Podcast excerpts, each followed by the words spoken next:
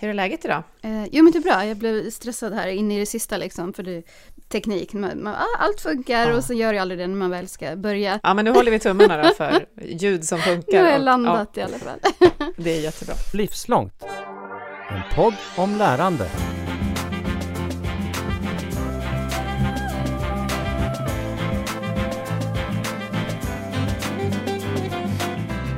Vi har här i Livslångt pratat om många olika grupper där lärande på något sätt figurerar. Bland barn och unga, bland vuxna i arbetslivet, bland seniorer som vill lära livet ut, eh, hos människor med neuropsykiatriska kognitionsvariationer. Men det finns kanske, om man nu får prata om grupper eller människor som har något gemensamt, så finns det kanske sådana vi inte riktigt har pratat så mycket om. Till exempel de som är dömda till någon form av vård, där också, eller behandling, där också möjligheten att lära finns. Och då ska vi idag ägna oss eh, åt det som kallas för SIS-hem eller SIS-boenden. Statens institutionsstyrelse bedriver individuellt anpassad tvångsvård och verkställer också då sluten ungdomsvård. Och I samverkan med socialtjänsten så får då barn och unga eh, och klienter med allvarliga och omfattande, kanske psykosociala problem, bättre förutsättningar. Och det är det här sammanhanget som vi ska prata om idag, kopplat till lärande. Så då säger jag varmt välkommen till veckans gäst, Hanna Sundqvist. Hej! Hej. Tack så jättemycket för att jag fick vara med. Ja, jättekul att ha dig här. Du får börja med att berätta helt enkelt vem du är och vad det här sammanhanget har med din vardag att göra. Ja, eh, jag är mamma, men är också egen företagare. Eh, driver mitt eget eh, musikföretag med inriktning på just musik och pedagogik. Att alla ska få upptäcka glädjen i lärandet och i musiken. Um, sen är jag musiker, läromedelsförfattare, men framförallt så eh, titulerar jag mig som musiklärare. Och eh, har sedan januari arbetat då på ett SIS-hem som musiklärare där. Mm älskar att du ändå började med mamma. Det känns ändå skönt att vi har en holistisk syn på vilka vi är här. Ja. Men musik är ditt ämne. Berätta då, vad, vad, betyder musik för dig i allmänhet? Vad vill du med den? För jag tänker att det har bäring på det här. Ja, men precis. Eh, musiken för mig är ju såklart väldigt viktig. Och min drivkraft är att andra ska få upptäcka glädjen i musiken, glädjen i att kunna skapa liksom kraften i musiken, att andra ska få uppleva det som, som jag har gjort i livet. Mm, och vad skulle du säga att den upplevelsen är? Vad är det det har betytt i ditt liv? Glädje, gemenskap eh, och någon slags här, framtidsvision. Det finns alltid någonting nytt att lära inom musiken. Eh, längta till nästa konsert, längta till att få lära sig nästa låt eller vad det nu kan vara. Mm i den här tiden när det är mycket som är lite dystert, som vi ofta kommer in på, så kan ju det också vara ett hopp verkligen. Och i det här jobbet då, med den här gruppen unga människor, eh, vad, vad betyder det här? Um, ja, men jag har arbetat som lärare i 14 år nu och mött alla möjliga typer av elever med svårigheter och eh, olika utmaningar i sin vardag. Och egentligen är det ju ingen skillnad, för jag träffar ju samma elever idag. Eh, men det som skiljer det åt är att de nu eh, är omhuldade av människor som, som vill dem väl, som vill ge dem en ny chans. Och där skolan blir ju verkligen en ingång till någonting nytt för många. Många har inte gått i skolan eller har misslyckats i skolan. Och eh, här får jag liksom chans att ge dem en ny chans i livet att få upptäcka musiken och ha musiken som en ingång till att kanske stärka självförtroendet eller att hitta någonting som, som passar just den eleven. Mm. Och du verkar i Mellansverige ska vi säga, vi säger inte exakt vilken, vilket SIS-hem det är eller var du finns någonstans och verkar. Men du är inne då på att du träffar elever, du är deras pedagog eh, i en tillvaro där de då är dömda till vård. Va, vad är bra pedagogik för dig? Kanske både i allmänhet och då? Jag ska säga att bra pedagogik är den pedagogik som möter dig där just du är i din utveckling. Eh, men som framförallt motiverar dig till att vilja fortsätta. Om vi vänder på det, vad är dålig pedagogik? Då skulle mm. jag säga att det är den som får dig att må dåligt, den som gör att du inte vill fortsätta, eh, eller som gör att du inte tror att du faktiskt kan. Och det är ju ganska lätt i musikämnet att man känner så, att det kan vara ens första känsla. Nej, jag kan ju ingenting, jag kan inte spela ett instrument. Nej, det är klart att du inte kan, för du har inte gjort det tidigare. Det är inte så mm. konstigt. Eh, och så tänker jag på alla, alla ungdomar som lär sig via inlärningsvideos på Youtube. Jag får ju många elever eh, som kan en del ganska avancerade låtar, men de kan inget om teori eller teknik, men de kan liksom Månskenssonaten, för att de har lärt sig det på Youtube. Och då kan det, vara ju, kan ju vara lärare som, eller kanske inte ens är lärare som har lärt dem, det kan ju vara amatörer, det kan vara vem som helst och det kan vara duktiga pedagoger. Eh, är det bra pedagogik? Det kan det vara, för att det har ju motiverat eleverna till att faktiskt vilja fortsätta att lära sig. Ja. vi kan ha det som ett mål, att vi börjar med grundkurs i piano och målet blir att lära sig den här låten, för då blir du motiverad till att lära dig. Exakt. Hur funkade det med vänster hand? Var den svårare? Ja, jättebra. Jag tror vi väntar med att ta båda samtidigt för du kommer bara bli stressad om jag ger för svåra utmaningar. Nu ska du bara spela en enkel melodi för mig. Då står det så här. C, D, E, C, D, E. Då behöver du hitta upp tonen C på pianot. C, D, E. Så då vill jag att du använder dig av alla fingrarna som vi har övat på. Spela en gång. C, D, E, C, D, E. Men det, upplever du då någon skillnad i när du har, för du har jobbat på mer vanliga skolor om vi får säga så, det vi brukar mena med en skola tidigare och nu möter du de här eleverna. Ser du någon skillnad i hur du behöver använda den här pedagogiken? Ehm, egentligen inte, för att alla elever behöver ju, eller vi behöver ju hitta en, en ingång till alla elever där de blir motiverade. Ehm, jag tror många elever som kommer till mig på SIS ungdomshem vet inte riktigt vad de kommer att erbjudas. Eh, så första lektionen blir nästan som ett test. Är det här någonting jag vill göra? Det verkar intressant och jag har ju fått chansen. Så många kommer ju dit med någon slags eh, nyfikenhet. Ehm, vilket man kanske tar för givet på en vanlig skola. Men det här kanske man aldrig haft musik och så, ja men nu, jag testar det här.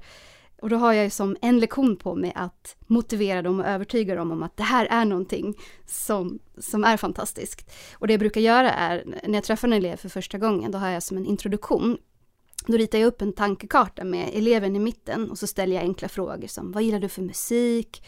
Eh, har du spelat någonting tidigare? Har du något intresse? Tycker du om att rappa? Och därifrån så, så bygger vi liksom en kursplan tillsammans. Och det kan jag ju inte göra med, med 30 elever i ett klassrum, Nej. men det kan jag göra med den här eleven. Eh, och så försöker jag hitta en ingång till musiken utifrån deras intressen. Och det visar sig att de flesta har ju ganska starka intressen kopplat till musik. Och så kan man börja och sen bygga ut därifrån. Men du har en lektion på dig som du behöver fånga dem med? Ofta. ja, jag förstår ja. det.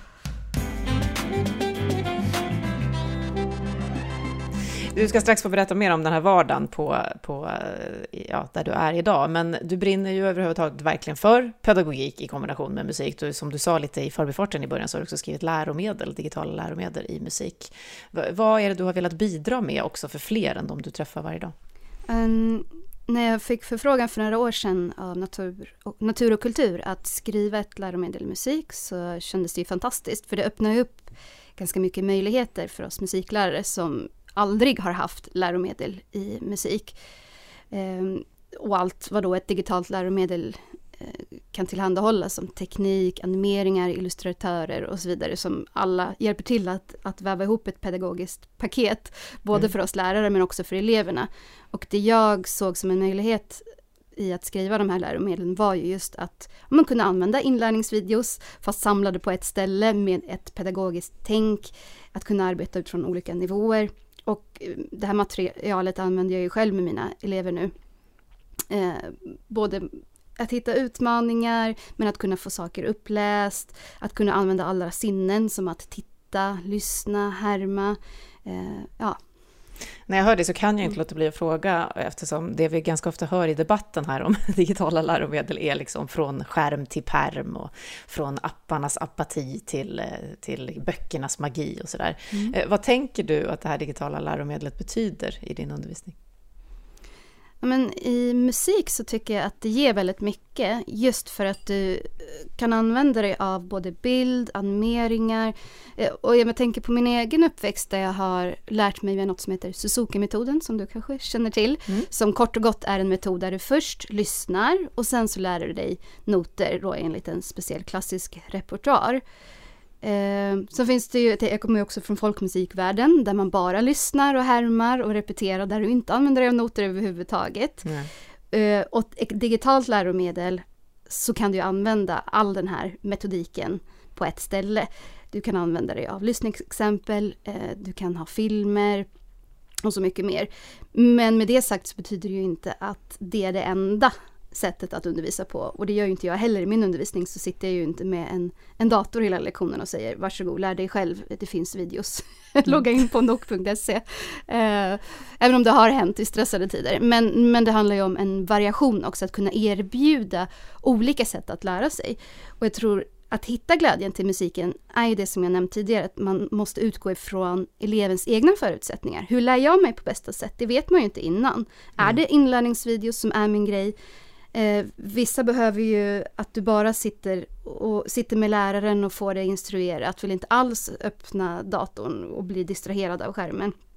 Och sen kan jag ju säga att i min undervisning så är det många som inte får använda datorer överhuvudtaget, som inte ska ha tillgång till internet av förklarliga skäl. Mm. Um, så det är väl ingen motsättning, utan snarare ser det som att ett digitalt läromedel erbjuder olika ingångar till lärande. Mm. Eh, sen skriver vi ju en fysisk bok också som jag verkligen ser fram emot som kommer ut i vår. Som kommer bli helt annorlunda. ja, ja det, vi kommer ju ofta tillbaka det här, till det här att det går inte att prata om antingen eller, utan det är verkligen alltid både och. Och mm. du beskriver ju jättefint också det här att utgå från det som vi alla pratar om i lärande, men som en vanlig skolas design då också utmanar väldigt mycket. Utgå från varje elev.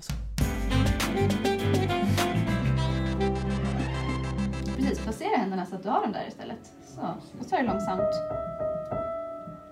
Ben. Ja, en high five på den. Snyggt, jättebra. Och apropå debatten i samhället då så har ju den, den senaste tiden handlat väldigt mycket om unga som hamnar fel. Det är ju helt hjärtskärande att höra om gängvåldets konsekvenser, hur 12-åringar ringer till BRIS och vill hoppa av eller till Fryshuset i Stockholm. Nu behöver det inte vara just dem du träffar, men du träffar ju sådana som har hamnat i svårigheter. Hur kan du beskriva dem, utan att kanske gruppa in dem helt och hållet, men också utan att berätta vilka de är förstås? Eh, jag träffar ju pojkar mellan 14 18 och ända upp till 20 år, även om det är lite ovanligare, eh, som har en ofta kriminell bakgrund. Det kan också vara missbrukare eh, och sexualförövare.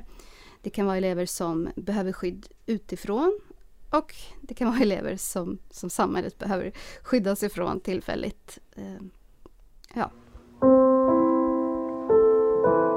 Wow! Den där var ju ännu bättre än förra. Den här kunde du ju på en gång. Fantastiskt. Du är hur grym som helst ju. Jätteimponerad. Då har vi faktiskt spelat ända, hela den biten, ända hit. Mm. Och hur ser en vanlig dag på jobbet ut då när du träffar de här eleverna? Ja, varje SIS-hem, ungdomshem, har ju en egen skola. Eh, och det är ju egentligen vilken skola som helst med lärare, rektor, specialpedagog, studievägledare och så vidare. Eh, så där har jag då min musiksal där jag träffar ungdomarna. Eh, jag träffar dem sällan helt själv, utan de kommer dit med en behandlingspedagog eh, som sitter med eller som är med på undervisningen också om jag har tur. Eh, och jag undervisar en till tre elever i taget och det kan vara allt från skolpliktiga elever som alltså ska läsa alla kurser i skolan till de som redan har gått på högstadiet och vill eh, läsa till ämnen. Och då kan det vara musikproduktion, estetisk kommunikation, eh, instrument och sång som jag erbjuder just nu. Mm. Eh, men sen finns det ju de elever som inte får eller kan lämna sin avdelning, det vill säga den plats där de bor. Och eh, då gör jag så att jag tar med mig instrument eller material, vad det nu kan vara, och så går jag upp till eleven och har individuell undervisning i eh, ja, någon sal som finns då på den avdelningen. Då tycker jag vi sätter ihop det som vi har lärt oss hittills och så kan vi lägga på en del till sen kanske.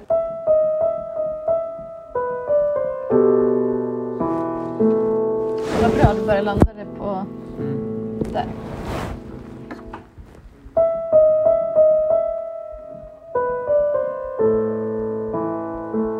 Jättesnyggt, sätter vi ihop med nästa del. Det var rätt. Bara där. Ja men suveränt, du kunde ju det där, eller hur? Och då säger du att du har, du har den här lilla stunden på dig när du träffar dem första gången att eh, kroka upp dem så att säga. Hur, hur tas dina ämnen emot, eller det du gör inom ditt ämne? Ehm, jag tycker att det tas emot med nyfikenhet och sen sprids det alltid eh, rykten mellan eleverna eh, som kan skapa vissa förväntningar. Det finns ju en studie till exempelvis och det finns väldigt många elever som är extremt duktiga på att rappa, som kommer från en kultur där man har umgåtts genom musiken, alltså man har skapat, man har skrivit texter. Så många sitter och skriver egna texter på, på kvällarna. Nu säger jag inte att alla gör det, det finns en, en stor variation. Ehm, men så jag skulle säga, det tas emot med ganska mycket nyfikenhet i de allra flesta fall. Och det var inget jag hade förväntat mig innan. Mm. Hur var det överhuvudtaget när du då sökte det här jobbet? När du, vad, vad såg du framför dig? Vad fick dig att vilja ha det och vad mötte du? Det var med skräckblandad förtjusning. Jag, var, eh, jag ville testa på något nytt och såg den här annonsen och vid ett första skede så tänkte jag, men det där låter ju alldeles förskräckligt. Eh, och så dök den upp igen eh, och så gick jag tillbaka till mig själv och funderade, men jag ville ju ha en utmaning, jag ville ju testa på något nytt. Det här är ju precis allt. Det genomgick en liten kris. Hur ska andra se på mig? Eh, eh, jag är ju den här musik, musikläraren som alltid har jobbat på skola och folk förväntar sig. Jag hade så konstiga, en så konstig bild av vad andra skulle ha för syn på mig. Vilket är så lustigt i sammanhanget för det handlar ju inte om mig. Eh, och det gjorde jag också. Och jag fick ju en bild, jag målade upp en bild av hur de här eleverna skulle vara som inte var så positiv. Och det var så skönt att få komma, komma till SIS-hem och, och få känna att allt det här var ju i mitt huvud, ingenting stämde. Det här är barn, det är elever, eh, precis som alla andra barn och elever jag har träffat i min karriär. Eh, och få möta dem där de är och se liksom människan bakom brottet. Mm. Och du fick en väldigt fin eh, sal, musiksal vet jag, studio.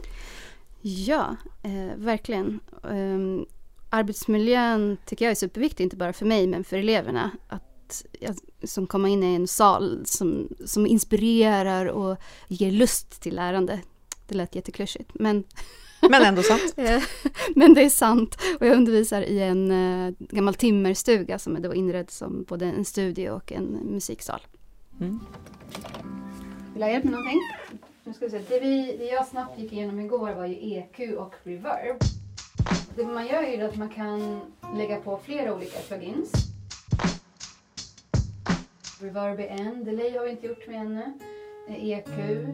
Kompressor ska vi lägga på också. Eh, är det du känner att du vill jobba med idag?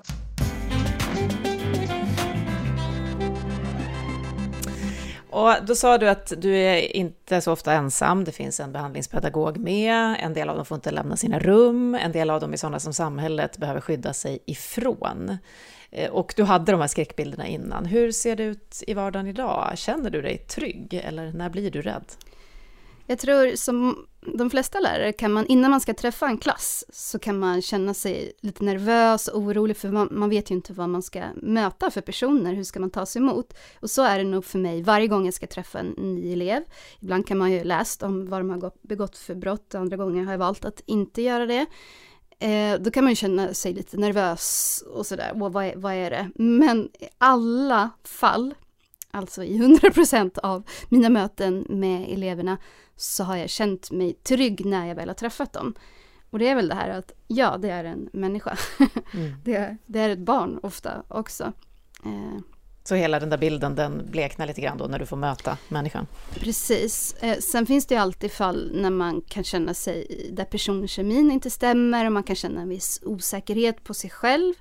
Eh, den kan ju fortfarande uppstå men jag känner mig inte otrygg eh, på arbetsplatsen utan det finns ju säkerhetsrutiner, jag har larmtelefon, jag har personal. Alltså det finns ett helt system kring det som gör att jag som person eller som arbetstagare inte känner mig otrygg. Men, Mm. men så det har mer med den andra den andra sidan att göra, att man kan vara nervös och rädd som lärare snarare än för liksom, själva eleven eller dens historia, om man säger så. Mm. Intressant. Och något som vi alla, jag kan vara nervös för att träffa vuxna som ska jobba med lärande, beroende på hur stämningen och klimatet blir och är. då, Gud, så att ja. Lärare är jätteläskiga. Ja. Verkligen. Okej, men det är så. Vi kan ju faktiskt göra så att du gör ett kapitel. Efter varje kapitel, så svar, alltså frågor, så får du fem minuters break. Så då vet du att jag kan sätta klockan. Sen efter fem minuter så, kör vi renässansen. Det blev jättebra. Du är så snabb när du väl sätter igång.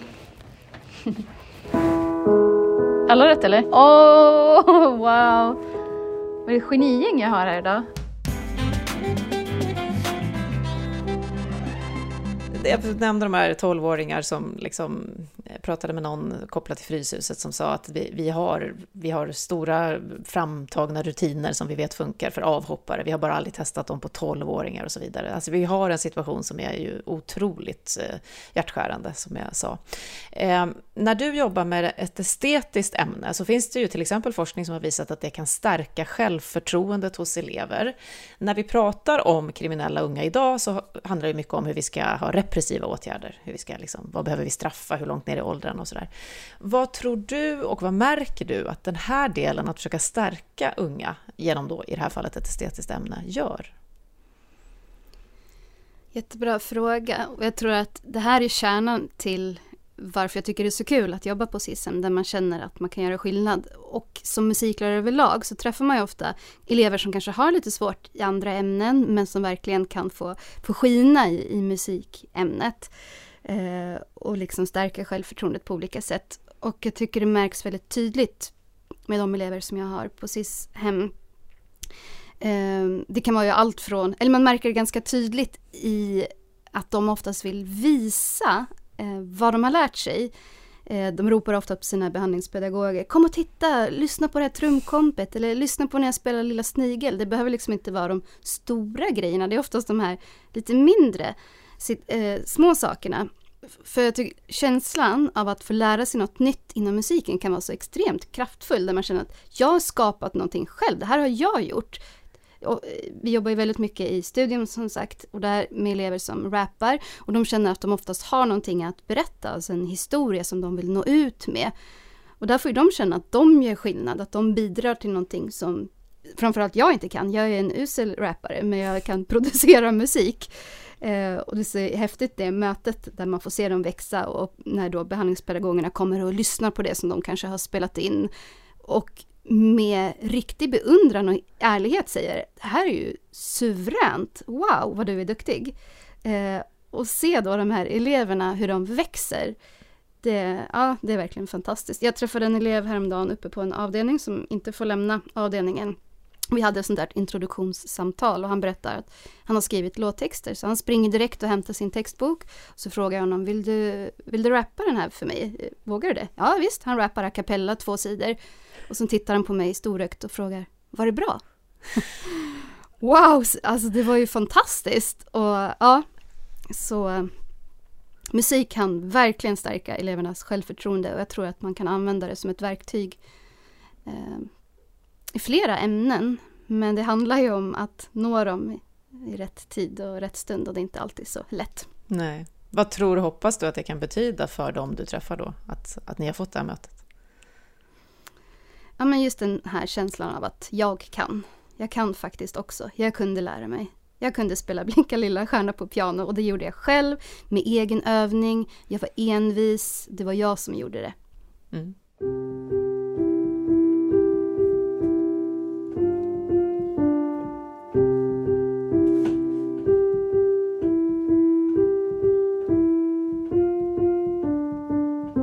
Har du fler för exempel på hur det här som då kanske, eh, om du frågar en annan människa som aldrig varit inne på ett SIS ungdomshem, hur det skulle vara, på sådana möten som du är med om? Vad har stannat kvar med dig från dina möten med eleverna?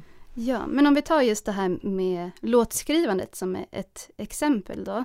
Eh, för det som är nytt för mig i mötet med de här eleverna är just att det är så många som har erfarenhet av kanske gangsterrapkulturen, eh, men som också ha, som känner att de har en berättelse, alltså de vill nå ut.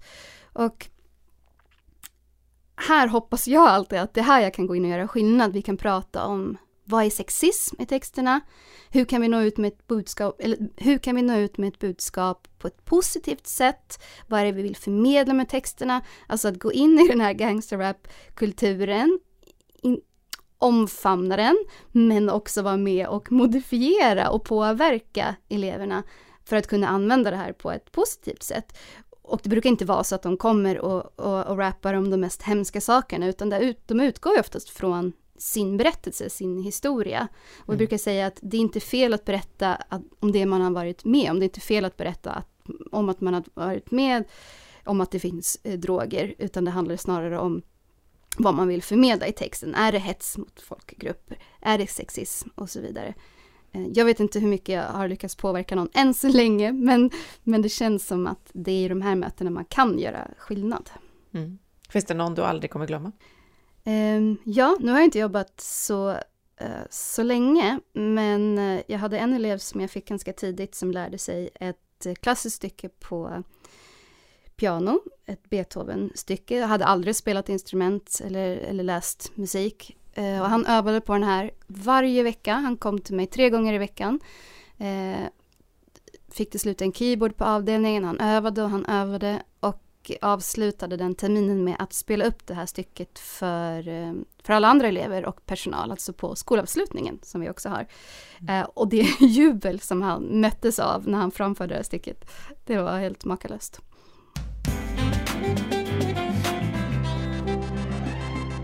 Eh, jag vet att du trivs ju oerhört bra som kontrast till den här skräckbilden du hade innan. Vad är det, tror du, som gör att du gör det?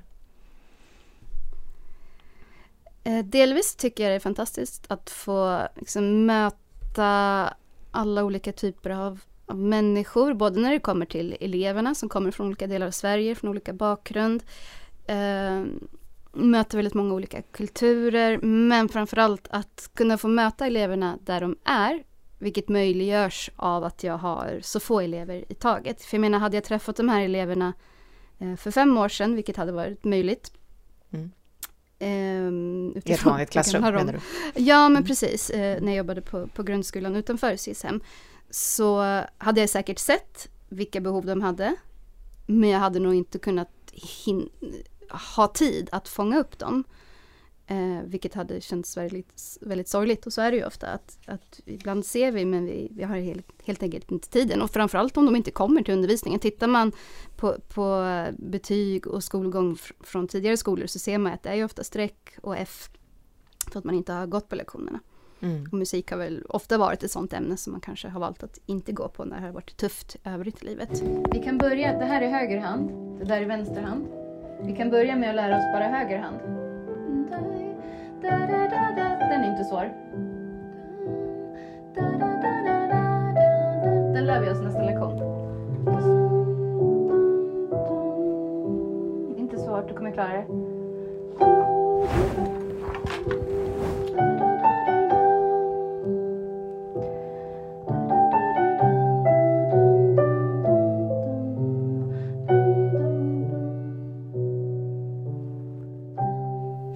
Så vad kan du då, dina kollegor som fortfarande är kvar i de skolorna och fortfarande har den situationen, vad, vad tänker du att man kanske ändå kan låna av det som du har fått syn på här, även om vi inte kan göra om skolans design i en handvändning? Eh, jag kanske inte kan säga så mycket direkt bara till musikläraren, men jag tänker på oss lärare i stort. Att musiken är ett sånt otroligt kraftfullt verktyg för att nå till eleverna. Eh, och att använda det för att stärka deras självförtroende eller bild av sig själva.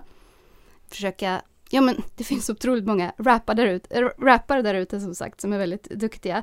Eh, köp en USB-mikrofon, ett skaffa något gratis inspelningsprogram, eh, köp hem några beats och eh, använd det till exempel för att rappa fram historien eller matematiken eller vad det kan vara.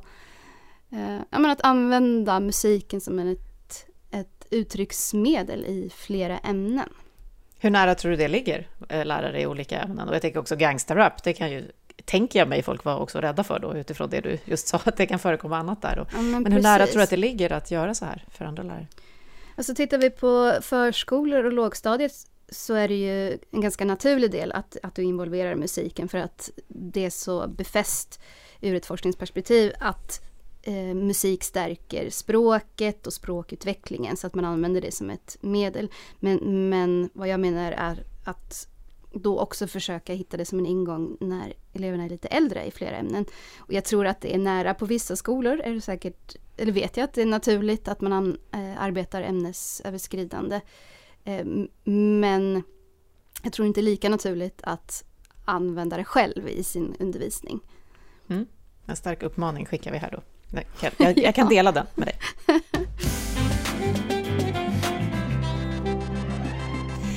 Du, nu har ju du gjort en, en, ett stort lärande här då sen du började eh, i januari som du berättade på en helt annan typ av skola med en annan typ av undervisning. Vad, vad tänker du att det här kommer betyda för resten av ditt yrkesliv? Vad ser du dig själv framåt? Kommer du återvända till den vanliga skolan eller vad, vad ser du? Eh, vilken jättebra fråga. Ehm, det är ju inte helt friktionsfritt arbete som jag sysslar med och det händer ju mycket på på SIS-institutionerna i stort med, med rymningar och, och säkerhetsfrågor och rutiner som håller på att utarbetas. Men det känns som att hela institutionen och skolan i stort verkligen är på väg framåt. Och, och men skolan eh, känns som en så otroligt trygg plats där och det känns så fint att få, få vara en del av den.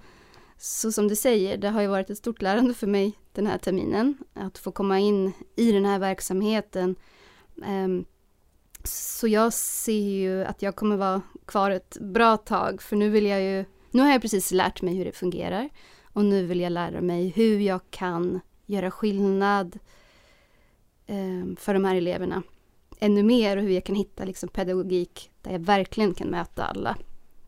Och så att jag nästa gång du frågar och så säger du, har du liksom kan du se någon skillnad? Hur, hur, har du gjort skillnad? Då vill jag kunna ha ett bra svar på det. Mm. uh, och, och, bara säga ja, den här skillnaden såg jag, eller det här, det här har jag sett. Ja, höras igen då, om, när det nu kan vara ett par år eller så. Tänker du ja. att du också gör skillnad för samhället i det? Ja, men det gör jag absolut. Eh, för vi behöver ju stärka de här eleverna med sin självbild och sin tro på sig själva och att, att använda sina kunskaper. Och många är extremt handlingskraftiga, eh, men använder ju den här handlingskraften på fel ställen, i fel umgängen. Men att hitta saker som du är bra på, eh, använda det till rätt målgrupp och, och rikta energi. Eh, så, så här, att få eleverna att rikta sin energi på rätt saker och att tro på sig själva. Mm. Stort tack Hanna Sundqvist som också jobbar på ett SIS ungdomshem i Mellansverige för att du berättade mer om det för oss. Så vi fick förstå. Tack. Du har just hört Livslångt, en podd från RISE om allt det där man lär sig i livet. Vi hörs om en vecka igen.